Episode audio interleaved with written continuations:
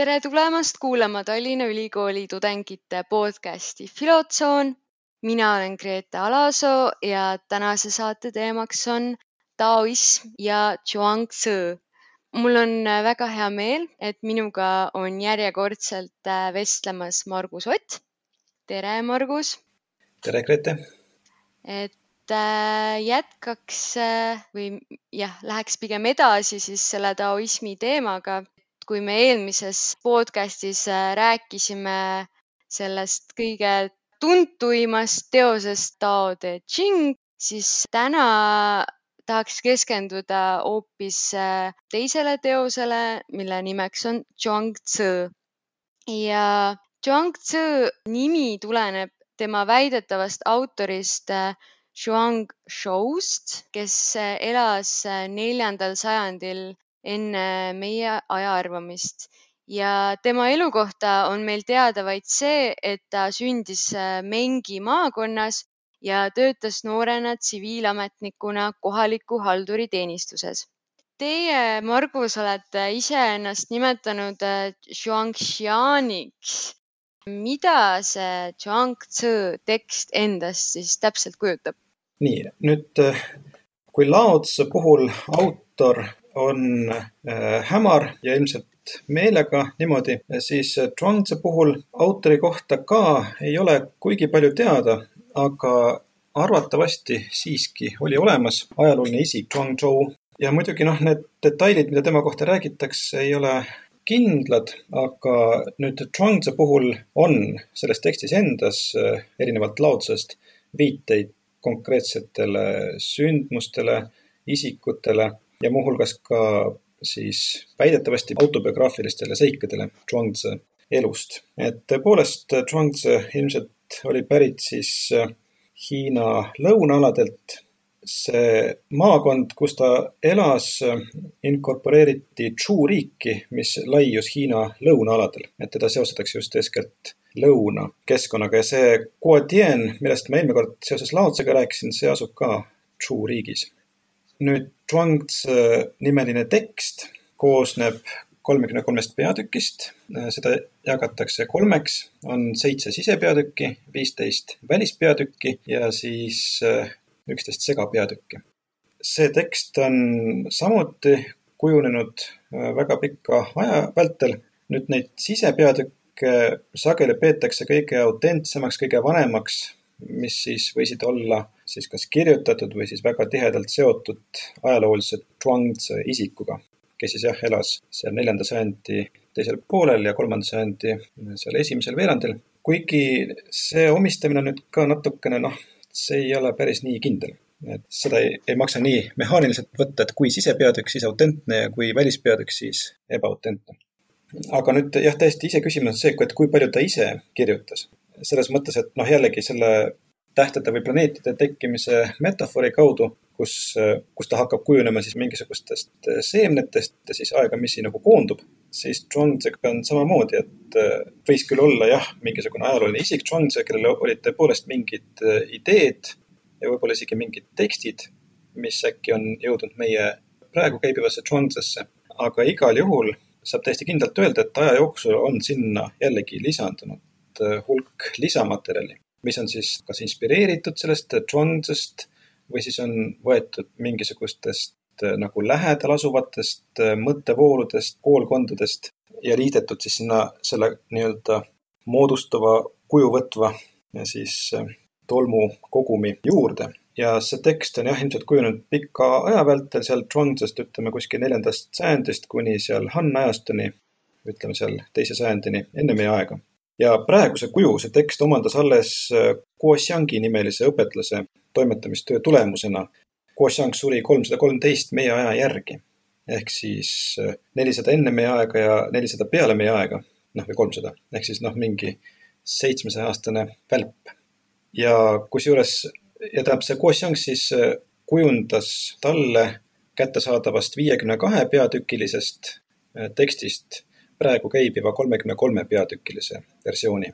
aga seda ei, ei maksa ka liiga traagiliselt võtta, selles mõttes, et Hiina filoloogid on olnud üsna ausad, tekstitruud, usaldusväärsed. nii et kui ta ütles, et ta viskas Jones'ist välja hulk materjali, mis sinna ei puutunud, siis, siis on täiesti võimalik, et tõepoolest suur hulk sellest materjalist ei olnud nii huvitav võrreldes sellega, mis ta sinna sisse jättis. aga igal juhul nii palju saab päris kindlasti öelda, et see versioon, mis ta kokku pani, see kolmekümne kolme peatükkine versioon, see on olnud väga huvitav väga paljudele inimestele ja see on siis ajendanud suurt hulka siis lugejaid, tõlgendajaid, filosoofe, luuletajaid, kunstnikke ja see aeg, kui Guo Xiang tegutses, oli hakanud ka budism Hiinas levima, nii et ilmselt need taoistlikud motiivid mõjutasid ka siis Hiina budismi. Ja noh, ei ole ka võimatu vastupidi, et võib-olla mingid budistlikud mõjud ka kandusid sealt sellesse Zhuangzesse mm. -hmm. aga eesti keeles ei olegi seda tervikteksti ilmunud, et on ilmunud vaid mõned peatükid erinevate tõlkijate poolt ja et mis selle põhjuse taga võiks olla? ma arvan, et põhjus on erakordselt lihtne, on lihtsalt see, et Zhuangzi on üks mahukamaid Vana-Hiina tekste, et see on väga paks raamat. esiteks ja teiseks, eriti seal sisepeatükkides on väga keerulisi kohti. noh, laoduses on ka keerulisi kohti, aga laodus on lihtsalt niivõrd palju lühem et see on nagu, kui üks on nagu luuleraamat või noh, võiks öelda piltlikult, siis teine on nagu romaan. päris nii ei saa öelda, sest Zhuangdes kõige tüüpilisem tekstimehhanism on noh, mis oli ka noh, muudes Vana-Hiina tekstides levinud. aga Zhuangzi nagu eriti osavalt kasutab ära sellist proosa ja luule vaheldumist. ehk siis, kus selline noh, ilma kindla rütmita tekst vaheldub siis mingisuguste selliste tekstiosadega, kus on siis kindlad siis äh, rütmiühikud ja vahel koguni riimid. ja noh, äh, et miks ta eesti keelt ei ole tõlgitud, et noh, et see võtab aega, et äh, Mart Tšernjuk Tartus sai kulkalt toetust selle äratõlkimiseks, et ma ei tea, kus maal ta omadega on. et arvatavasti ta sellega tegeleb. jah, et praegu on jah olemas neli peatükki on siis kunagi tervikuna, et Äh, kunagi siis kolm peatükki, mis Kaplinski tõlkis ühes loomingu raamatukogus, kaheksakümmend üheksa vist aastal. ja siis äh, mina tõlkisin äh, kahekümne teise peatüki, Teadmine läheb põhja, mis ilmus Vikerkaares mõned aastad tagasi kas see, see, mis tekste tõlgitakse, võib täiesti vabalt olla lihtsalt seotud ka sellega, et mis parajasti neid tõlkijaid ise kõnetab, et äkki mingeid budismi tekste on rohkem tõlgitud? hmm.? ma ei ütleks, et budismi tekste nüüd nii massiliselt oleks tõlgitud. noh, Elli Feldberg on tõlkinud, Märt Läänemets tõlkis ühe tänapäeva Chan budisti raamatu, aga ega neid ei ole nii, nii väga palju midagi. aga noh, loomulikult, eks ole, et Eesti kultuur on ju kaunis väike, nii et väga palju oleneb konkreetsete isikute huvidest just nimelt jah, ja nende valikutest. ja noh, ma usun, et kui lugeda neid juppe, ja siis noh, need kõnetavad ikka paljusid, noh, sest noh, näiteks need nii-öelda meistrite lood, mis kirjeldavad siis mitmesuguseid osakäppasid või siis noh, selliseid kulgejaid, kes on mingisuguse oskuse kaudu siis omandanud sellise kõrgema eksistentsiviisi, et sedasorti lood kõnetavad ilmselt igaüht. kui mina nüüd seda esimest korda lugesin, siis ma mõtlesingi, et kuidas ma varem ei ole selle teksti juurde sattunud ja et tegelikult see võiks kõnetada paljusid teisi minu tuttavaid, et see kuidagi see kirjastiil, see sarkastiline nagu natukene sihuke jah, kriitiline sihuke maailmavaade, see võiks väga paljudele eestlastele omane olla tegelikult. jah, kindlasti ja ei, see on väga rammus tekst, soovitan igaühele, et igaüks leiab sealt midagi. ja kui minna nüüd sellesama teksti juurde, et siis äh, seal kolmandas äh, peatükis on lugu sellest, kuidas hoida elu. ma nüüd praegu mõtlen, et äh, seda lugu äkki võikski natuke lähemalt analüüsida ja võib-olla ma äkki ma loen selle ette. jaa. et kokk nael lõikas valitseja Wenhui jaoks härga lahti. kui ta käsi puudutas, õlg toetas, jalg astus, põlv nõtkus, kostus vuh, tantsis nuga ja kostus tšah kõik tabas rütmi nagu mooruspuusalu tantsus või alguslaulu viisis. Wenhui ütles, ohoh, suurepärane, et oskus võib küündida sellise tasemeni. kokk nael pani noa ära ja vastas. see, mis sinu teenrile meeldib, on kulg, mis on etem kui oskus. alguses, kui sinu teener hakkas härgi lahti lõikama, siis ei näinud ta muud kui härga. kolm aastat hiljem ei näinud ta enam tervet härga. nüüd aga sinu teener kohtub härjaga vaimus, ei näe teda silmadega meeleorganid oskavad peatuda ja vaim tahab liikuda oma soodu. ma toetun loomulikele liigendustele, torkan suurtesse pragudesse, liigun pikki suuri tühimikke, reageerides sellele, milline ta on. oskuslikult lähen mööda liigestest ja kõõlustest, rääkimata suurtest kontidest. Hea kokk vahetab nuga korra aastas, kuna ta lõikab, tavaline kokk vahetab nuga korra kuus, sest ta raiub. sinu teener on oma nuga kasutanud üheksateist aastat ja on lahti lõiganud mitu tuhat härga, aga noatera on nagu äsja käialt tulnud. liigeste vahel on tühik, aga noateral pole paksust. kui paksuseta tera sisestada tühimikku, siis kui palju ruumi on teral seal vabalt liikuda? Nii ongi noatera üheksateist aastat olnud justkui äsja käialt tulnud. ometi iga kord, kui jõuan keeruka kohani, siis ma vaatan, milles raskus seisneb olen tähelepanelik ja ettevaatlik, pilk peatub ja liigutused aeglustuvad ja väikese noa liigutusega tšahti ongi tükk lahti lõigatud ja langeb mütsti maha. seisan nuga käes ja vaatan ümberringi, viivitan rahulolevalt, teen noa puhtaks ja panen ära. Valitseja Wenhui sõnas. suurepärane. kuulates kokk naela rääkimas, olen saanud teada, kuidas kasvatada elu. et äh, nagu siin Wenhui vastusest me aru saame, et siis tõepoolest äh, ka see valitseja ei võtnud seda lugu lihtsalt äh, ühe suvalise tegutsemisviisina, vaid juhatusena millessegi avaramasse ja sügavamasse ehk siis elu kasvatamisse.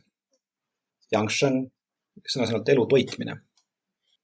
ja nüüd äh, seda tasus nüüd ette lugeda sellepärast, et Zhuangzi nendes nii-öelda meistrilugudes on selline korduv muster kolmest faasist.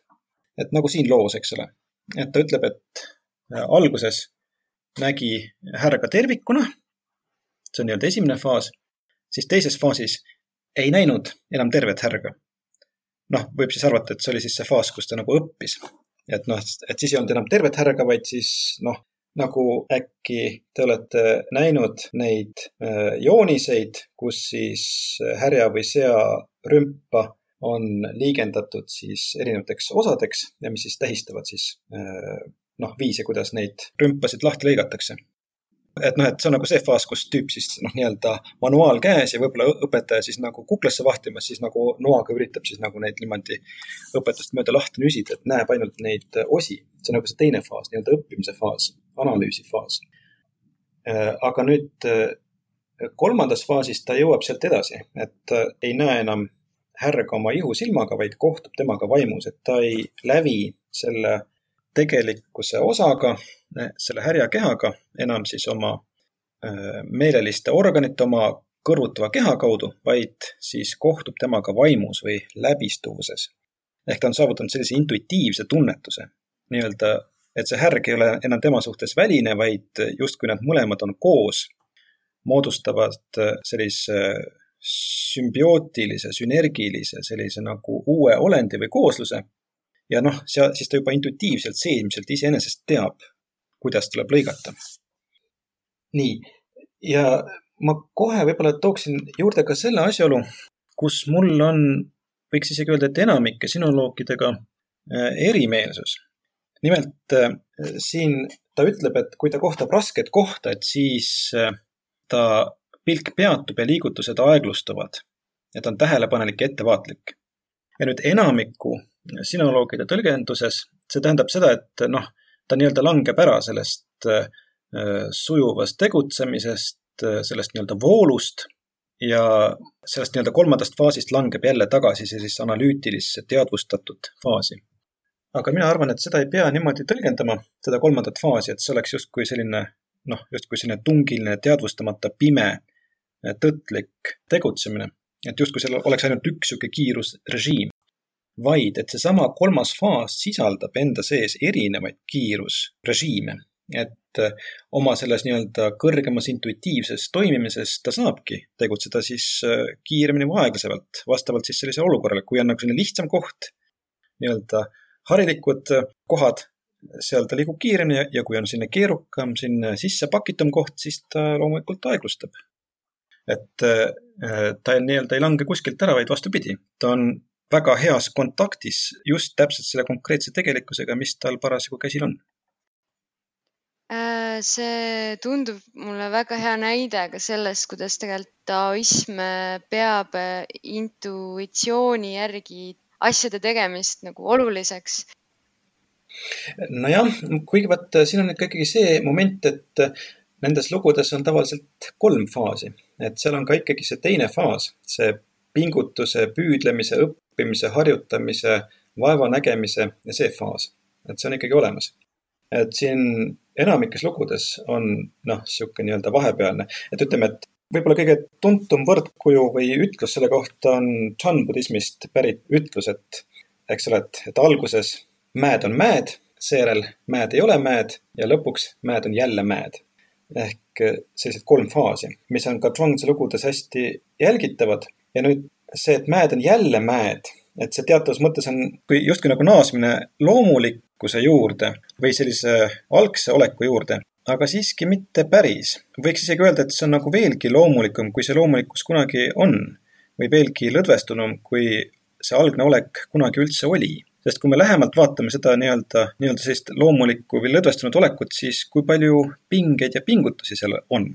noh, kui ma kasvõi lihtsalt nii-öelda istun, eks ole siis kui ma oma seda keha asendit hoolega jälgin, eks ole, siis äh, selgub, et noh, ma tegelikult saaksin ära kaotada kaheksakümmend protsenti oma igasugustest pingetest. Stanislavski muide, see teatriteoreetik, jõudis sarnase tähelepanekuni. tema üks esimesi äh, siis ettevõtmisi näitlejate kasvatamisel, koolitamisel oligi see, et nii-öelda õpetada nad vähem pingutama. et ühesõnaga, või nagu Kaplinski luuletuses, eks ole, et raske on kergeks saada aga niimoodi võidakse jõuda sellisest suurema kerguseni, kui alguses üldse oli.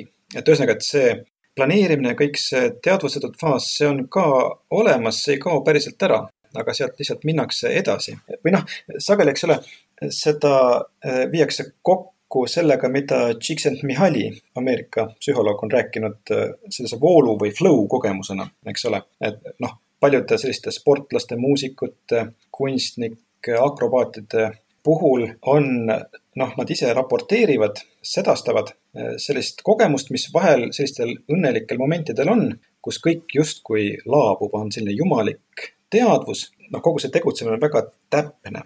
Stanislavski nimetab seda lavaliseks enesetundeks, mis on selline haruldane sündmus näitleja elus. et vahel kõik on nagu klapib, eks ole. aga nüüd säärane seisund ei tähenda seda, et noh, see isik kuidagi tema teadvus kuidagi hägustuks. pigem, kui sellises kogemuses olla, siis tundub, et see teadvus just nimelt teravneb, muutub veelgi selgemaks.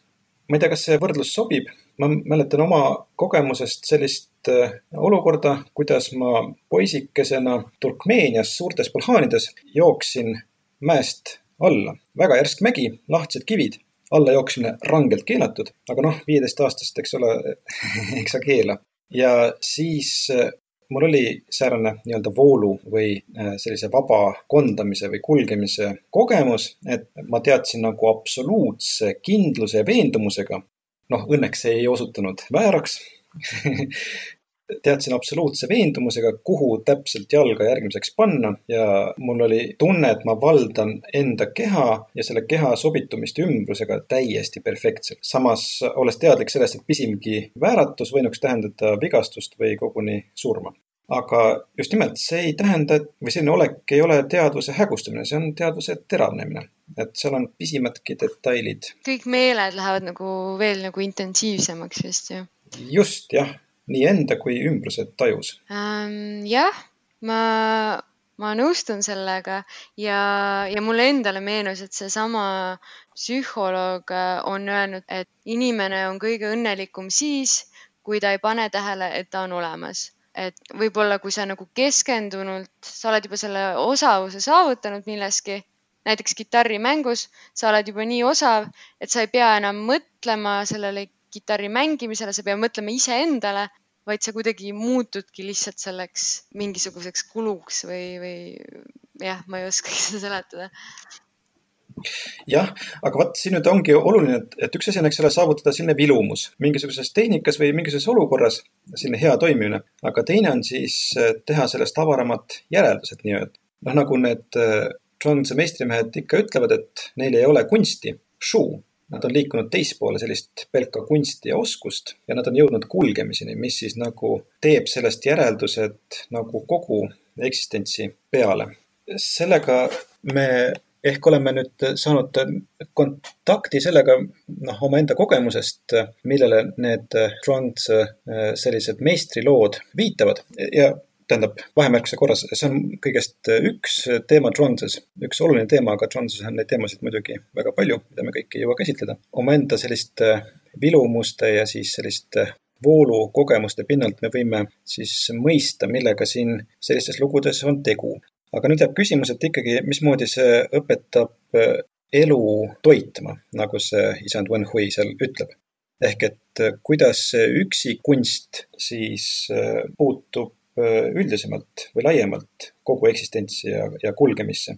kõige üldisemalt öeldes see asja iva on selles, et Zhuangzi üks põhilisi eesmärke, üks põhipaatosi seisneb selles, et logistada lahti meie äh, kujulisi fiksatsioone, meie fikseeritust, rippumist, sõltumist äh, igasugustest kehalistest ja vaimsetest äh, siis vormidest, kujudest. See, mis on väärtuslik, ei ole mitte need kujud ise, vaid kujude muundumine ehk siis kulgemine. ja oluline on just nimelt nihutada oma tähelepanu nendelt vormidelt kulgemisele ja seda äh, teevadki need Johnsi äh, meistrimehed, liikudes sealt teisest faasist, harjutamise faasist, siis sinna kolmandasse faasi, hulgemise faasi. et see asja iva on just nimelt see, et nad ei sõltu enam üksikutest kõrvutuvatest käesolevatest kujudest, asjadest, ettekujututest, teedest. Ja kuigi nad, ütleme, teostavad seda ühes mingis kindlas kunstis, siis tundub, et see kogemus on laiendatav kogu eksistentsile tähendab see, kui kokk-nael vabaneb sõltumisest härjakujudest, see õpetab teda ka üldisemalt vabanema vormidest. no muidugi eh, see ei tähenda seda, et me nüüd kuidagi üldse nagu muutuksime kujutuks või vormituks. Eh, loomulikult noh, et needsamad meistrimehed jätkuvalt, eks ole, on inimesed mingi kindla kehaga, mingis kindlas ajas, aga lihtsalt eh, nad ei ripu enam ühegi antuse küljes, nad ei fetišeeri seda. mingis mõttes on ju vananemine ka, õpetab, et vorm nagu muutub. jah, ja jällegi, eks ole, et muidu võiks tunduda vananemine nagu jah, et millestki nagu ilmajäämisena, aga see, mida vananemine nii-öelda elutarkusena õpetab või see, mida selleks elutarkuseks võib-olla nimetatakse või mis ka tekitab eeskätt just vanadel inimestel sellist äh, karismat või väge, nagu ma mainisin oma vanatädi, eks ole, on just nimelt see kogemus, et äh, inimene on ajapikku õppinud vormidest vähem sõltuma, noh, ka füüsiliselt, eks ole, inimene vananedes äh, nii-öelda käib alla, keha ei kuule enam sõna, valutab siit-sealt, eks ole, et see ei ole enam nii loomulik. ja siis tundub, et inimesed või tähendab, see ongi punkt, kus inimesed lähevad kaheks. eriti vanade inimeste puhul, no noore, noorel inimesel on, eks ole, jõudu ja karismat niisamutigi aga just vanainimeste puhul tuleb see vahe minu meelest aredamalt välja, et need, kes siis jäävad rippuma oma mingi vormi külge ja siis noh, üritavad siis kas nagu, ma ei tea, mingisugust äh, lausa lõikustega ennast äh, selle vormi kujuliseks teha või siis haletsevad, et neil ei ole enam seda nooruslikku kuju. see on nagu üks variant või siis teine variant, õppetund, mida mõned inimesed vananemisest võtavad, on just nimelt sõltumatusvormidest. et noh, ma olen kogenud seda, kuidas ma ise, eks ole, olen läbi teinud kehalisi muutusi ka minu ideed, arusaamad on elu jooksul teisenenud, iga üksik vorm ei oma minu jaoks enam nii suurt tähtsust ma kunagi kirjutasin isegi eraldi essee selle kohta, et filosoofilistes esseedes on vanainimeste mäng ja keerukus ehk kuidas hästi vananeda. no vot, ja, ja Zhuangzes see vormides ja kujude suhtes sõltumatuks muutumine tuleb vahest eriti aredalt ja hästi välja mõnesugustest äh, lugudest, mida on eriti palju nüüd äh, kuuendas peatükis kus on hulk lugusid vigastest inimestest, kes on siis kas karistuseks, on neil jalad ära raiutud või nad on mingi haiguse tõttu keha täielikult moondunud. Zhuangzi kujutab seda eriti grotesksel moel, et tegelased on täiesti krõnksus, nina on naba juures, täiesti moondunud kehaliselt. ja ka hingused on täiesti segi paisatud et hingused, mis muidu taoistide jaoks on see, mida tuleb kultiveerida ja, ja arendada, kõik need gümnastikad ja nii edasi. Johnsi ei hooli isegi sellest, et nii keha kui ka hingus, kõik on segamini, aga ometi need tegelased on siin nendes lugudes kulgejate äh, siis musternäiteks. just nimelt, kui inimesed, kes ei sõltu kujudest, et minu kuju on nüüd moondunud, ma olen nüüd krõnksus, siis juhuu see on üks üldise muundumise avaldumisviise, see on suurepärane. jah, et, et seda Johnsit võib pidada äh, nii-öelda puuetega inimeste siis eestkõnelejaks ja nende nii-öelda filosoofiliseks tõlgendajaks üheks kõige esimeseks jah, ma see ausalt, see vananemise ja muundumise teema on juba eraldiseisvalt niivõrd põnev ja paeluv, et, et sellest võiks tõesti eraldi saate teha.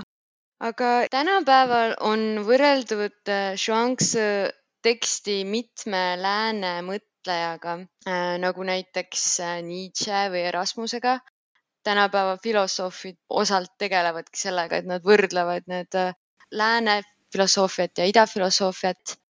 ja ka teie olete neid kahte võrrelnud, et olete kirjutanud essee Zhuangzi ja Platoni tunnetusteooriast ja neile mõlemale on omane see, et nad on äh, arutlenud teadmiste piiratuse üle ja kui Zhuangzi's äh, öeldakse, eks mitteteadmine ole teadmine ja teadmine mitteteadmine.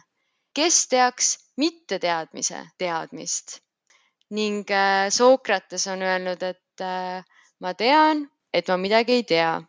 milles nende kahe mitteteadmine erinev? jah, ma kõigepealt ütlen, et see Platoni ja Zhuangzi essee, see on üks vana lugu. hiljutisemalt ma olen rakendanud Deleuze'i äh, Zhuangzile kirjutanud teadusartikli, aga see mitteteadmine, jah, vot see on üks selline põnev juhtum, et tõepoolest nii lääne pärimuses on sellel väga tähtis koht, äh, sellel Sokratese mitteteadmisel ja siis Zhuangzi's äh, mitteteadmine on ka keskne teema ja muide, mis nüüd päris nende viimset taotlust puudutab, siis äh, ma arvan, et nad võib-olla ei olegi teineteisest nii kaugel, äh, siis äh, Sokrates või Platon ja, ja Zhuangzi. aga mis puudutab nagu nüüd konkreetselt seda mõistet või praktikat, mitteteadmist, siis siin näivad olevat koguni kaunis suured erinevused sest eks ole, pärimuse järgi Sokrates, eks ole, ütles, et ta ei tea, tal puudub teadmine ja siis käis mööda Ateenat ringi ja siis küsis siis nii-öelda spetsialistide käest, et kuule, et räägi mulle, mis on õiglus, eks ole. ja siis muudkui räägib nendega ja küsitleb neid ja noh, ja siis selgub, et need spetsialistid tegelikult nagu ei, ei teagi õieti et see programmiline või metoodiline mitteteadmine on siis siin vahend, kuidas siis jõuda teadmiseni olgu, et siis, et noh, et kummutada või õõnestada ebaadekvaatset teadmist ja see võib ka lõppeda aporeetiliselt ehk siis sellise paradoksi või kummastuse või kimbatusega. või siis, et noh, liikuda sealt edasi mingisuguse adekvaatsema tunnetuseni, mida võib esindada siis näiteks ideede teooria aga nüüd äh, Zhuangzi puhul on lugu risti vastupidine, et mitte see mitteteadja ei ole küsitleja rollis, vaid vastupidi, et mitteteadjat küsitletakse ja siis see mitteteadja enamasti saadab need küsitlejad pikalt. ta kas lihtsalt mõmiseb midagi või, või ei vasta üldse midagi või läheb minema ja siis äh, noh, nagu selles loos teadmine läheb põhja, see peatükk, mis on Vikerkaares ilmunud. ja siin see mitteteadmine on hoopis teises äh, positsioonis et see viitab, äh, nagu ma seal selle Zhuangzi peatüki äh, saatesõna essees ka kirjutan, et ütleme, kui Sokratese või Platoni puhul selleks äh, fookuseks on see, et jõuda siis selliste aredate ideedeni, teadmisteni, siis Zhuangzi puhul eesmärgiks on jõuda nende ideede taustani ehk siis selleni, mille pinnalt üle pea mingisugused teadmised moodustuvad et siis sellise segatiku läbistuvuse väesoluni. ehk et see mitteteadmine on jah, siis selline nii-öelda sulanduv teadmine, see on nii-öelda mage teadmine, et see on teadmine, mida ei ole veel pipardatud.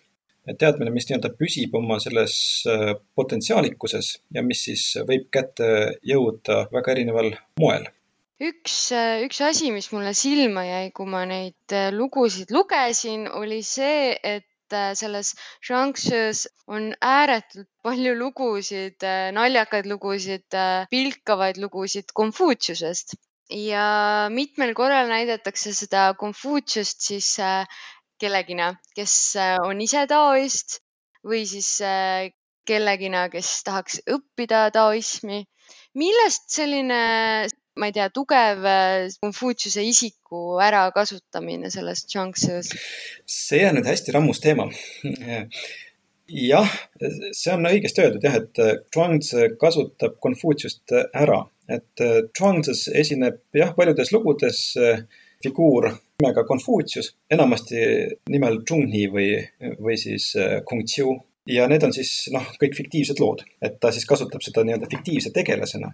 Ja see on ka huvitav, et eriti just nendes vanades osades, äh, sisepeatükkides on Konfutsiuse roll vägagi ambivalentne, et seal hilisemates peatükkides on nagu otseselt noh, umbes nii, et noh, ma ei tea, Konfutsius mutta taotud, et see on nagu viimane põmm ja, aga eeskätt varasemates peatükkides see noh, on küll ka kriitikat, aga see kriitika ei ole nii ühetine. on nii seda, et Konfutsiust otse kritiseeritakse, on seda, et Konfutsius esineb siis sellise nii-öelda poolel teel olijana, kui ka seda, et Konfutsius on lihtsalt Zhuangzi äh, suuvooder. tegelikult Konfutsius selliseid ideid ei esindanud, aga kuidas see konfutsianism siis taoismist äh, erineb üldse, et kust see erinevus tuleb? jah, eks nad muidugi eristuvad ja noh, nad ka ju eksplitsiitselt vaidlevad üksteisega. noh, Laotsus on eksplitsiitselt konfutsiaanide vastu esitatud kohti, kus nad otseselt kritiseerivad äh, inimlikkust ja kohasust ja, ja nii edasi. noh, mingeid põhilisi konfutsiaanlikke mõisteid ja Zhuangzis samamoodi. aga ütleme noh, kui me räägime sisuliselt, siis äh, no see on ka muidugi väga suur üldistus, eks ole, aga ütleme, et äh, konfutsiaanlikus pärimuses võib-olla rohkem pannakse rõhku sellele teisele faasile, noh, selles, eks ole, et mäed on mäed mäed ei ole mäed ja mäed on jälle mäed. ehk siis nii-öelda sellele harjutamise analüüsi faasile, mis siis just nimelt kätkeb endas igasuguste kultuurivormide omastamist, lihtsamas mõttes haridust, noh, ka matemaatikat ja nii edasi, muusikat, vibu laskmist, mida kõike. ja siis selle lõppeesmärgiks on tegelikult samamoodi selline loomulik olek, nagu Konfutsius äh, ütleb oma ühes kõige kuulsamas äh, siis fragmendis äh, vestletes ja vestlustes, et seitsmekümneselt on ta jõudnud staadiumisse, kus ta järgib oma südame soove, ilma et ta siis sooritaks üleastumisi või eksiks. ehk ühesõnaga ka konfutsiaanide jaoks see lõppeesmärk ei ole see, et noh, et lihtsalt nagu mingisugused papagoid korrata muistseid äh, kultuurivorme. ei, ka nende jaoks need on ikkagi viimases järgus äh, vahendid, millega siis saavutada selline noh, sujuvam olek, selline kulgemine. aga nüüd lihtsalt see rõhuasetus, see, millele nende see põhiosa energiast kulub, on ikkagi natuke rohkem selles nii-öelda teises faasis, selles ettevalmistavas faasis. no nagu Stanislavski, eks ole, tohutu süsteem, kuidas siis arendada näitleja füüsist ja kujutlusvõimet ja selle eesmärgiks on see lavaline enesetunne aga see lavaline enesetunne ehk see vool on miski, mida ei saa otseselt valmistada, aga sellele saab pinda valmistada. et kõik need harjutused, eks ole, loovad pinda, sest noh, kui sa üldse mingeid harjutusi ei tee, noh siis seda voolu ju ka ei tule.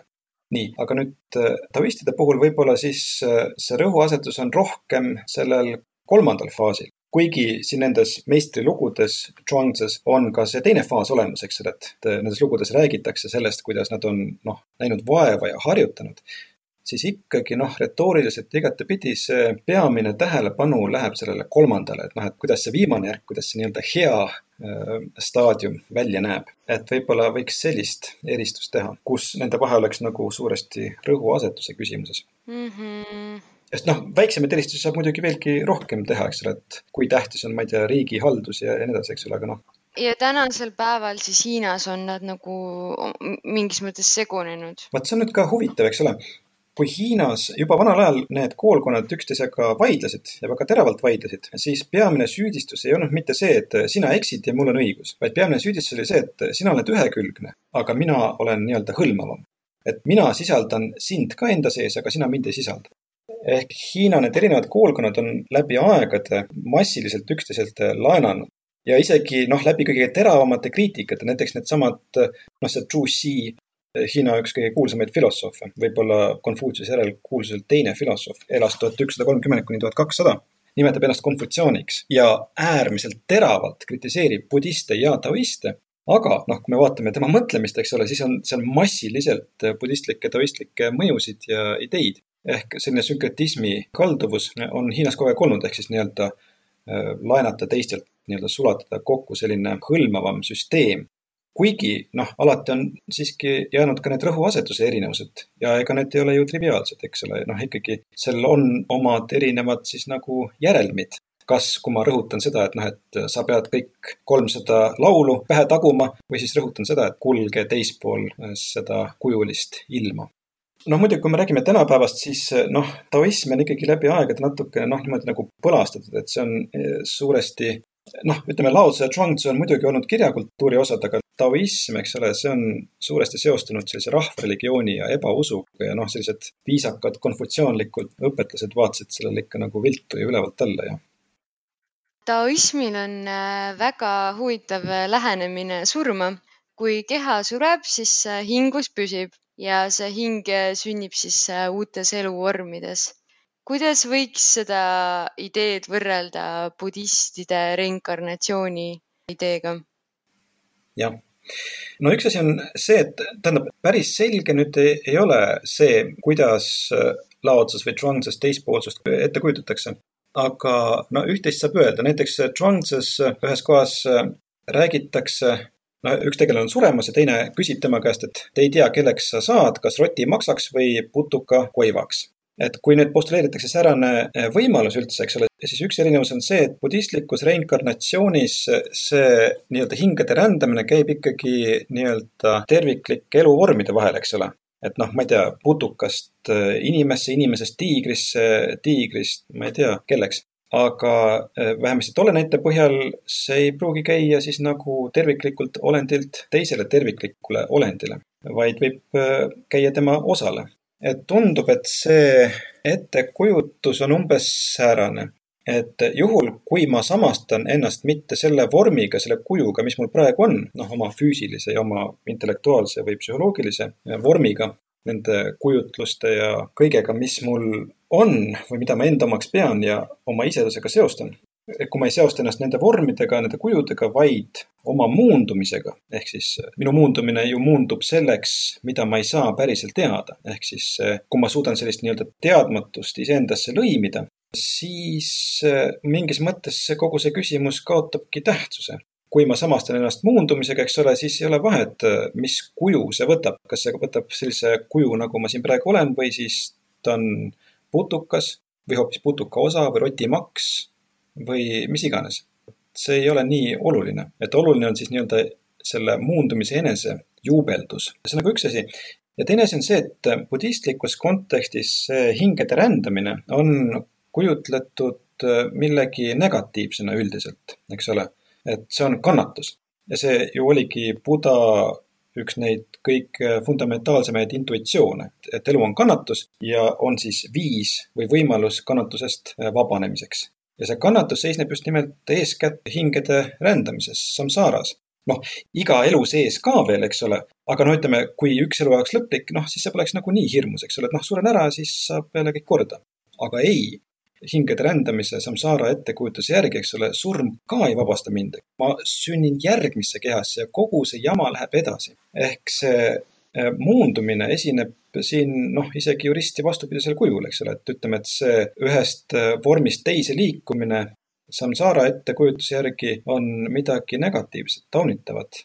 see kätkeb kannatust, aga see muundumine on just see, mida Zhuangzi ülistab. jah, see on iseenesest väga, vähemalt mulle tundub, et väga selline eluterve äh, nägemus võib-olla surmast just seetõttu ka, et, et ta võtab seda surmahirmu vähendab surmahirmu, et ta kuidagi, kui me räägime surmast kui millestki, mis on äh, et ta ei ole nagu elust eraldi, et surm ongi elu, siis see kuidagi tundub nii loomulik, et äh, praegu me oleme siin, järgmine hetk meid ei ole ja. jah, ja veelgi enam, eks ole, Zhuangzi on selle poolest ka nagu uuenduslik või radikaalne, et äh, ta on esimene, kes surma Hiina filosoofias niimoodi filosoofiliselt mõtestab. leinarituaalid olid küll Hiina pärimuses aastasadade vältel väga olulisel kohal, aga noh, surma kui sellist ei mõtestatud enne Konfutsiust, enne Zhuangzit niimoodi filosoofiliselt. Ja selle teema poolest on Zhuangzi erandlik ja, ja, ja veelgi enam, eks ole, et seda surma käsitletakse Zhuangzis mitmes fragmendis kui koju naasmist. ehk vähe sellest, et surm ei ole midagi negatiivset, vaid see võib olla isegi midagi väga nauditavat või noh, selles mõttes positiivset, et, et see ilmneb millegi toredana. ja on huvitav et äh, see langeb kokku paljude nende inimeste juttudega, kes on äh, läbi teinud surmakogemuse selles nii-öelda surmalähedases kogemuses või NDE, äh, near death experience. et üks korduv leitmotiiv sellistes lugudes, ma olen kunagi selliseid lugusid lugenud üksjagu, üks korduv motiiv on seal see, et kui inimene siis nii-öelda saab aru, et on ära surnud, eks ole, ja siis liigub kõrgematesse või nii-öelda kõrgematesse sfääridesse, teispoolsesse. Inimene tunneb seal ennast nagu kodus ja ei taha sugugi eh, siis siinpoolsesse tagasi tulla. säärane eh, metafoor tundub tekkivat eh, spontaanselt siis tänapäeva lääne inimestel, sarnane kujund nagu, nagu Zhuangzil surmaga seoses võib-olla surmast edasi liikudes natukene, et kui me ise võime leppida sellega, et me sureme ja et ka meie lähedased surevad, siis äh, tihtipeale me tunneme ikkagi kurbust. me, see, see on kuidagi, tuleb nagu täiesti iseenesest ja meil ei ole nagu võimalik seda kontrollida, et äh, kuidas äh, taoistid äh, suhtuvad emotsioonidesse ja kuidas see näiteks võiks erineda budistide ja stoikude arusaamast? Äh, jah, seda iseloomustab väga hästi see lugu äh, sellest, kui Zhuangzi naine ära suri ja siis tema sõber Hui Shi tuli teda vaatama ja siis näeb, et Zhuangz äh, seal taob äh, pottidel, pannidel rütmi ja siis lõugab laulda. täiesti šokeeriv käitumine. isegi tänapäeval oleks see šokeerima, aga vanas Hiinas, kus noh, surm oli veel noh, eriti oluline või noh, tõsine asi, ühiskondlike rituaalide kese, oli see veel noh, topelt šokeeriv ja siis äh, Huishi ongi jahmunud, et kuule, et äh, sul suri naine ära. Te olete nii kaua koos elanud, lapsed üles kasvatanud ja sina siin lõugad, naerad, et noh, et kuidas nii. ja siis Zhuangzi ütleb, et, et noh, loomulikult, kui naine ära suri, siis ma olin kurb.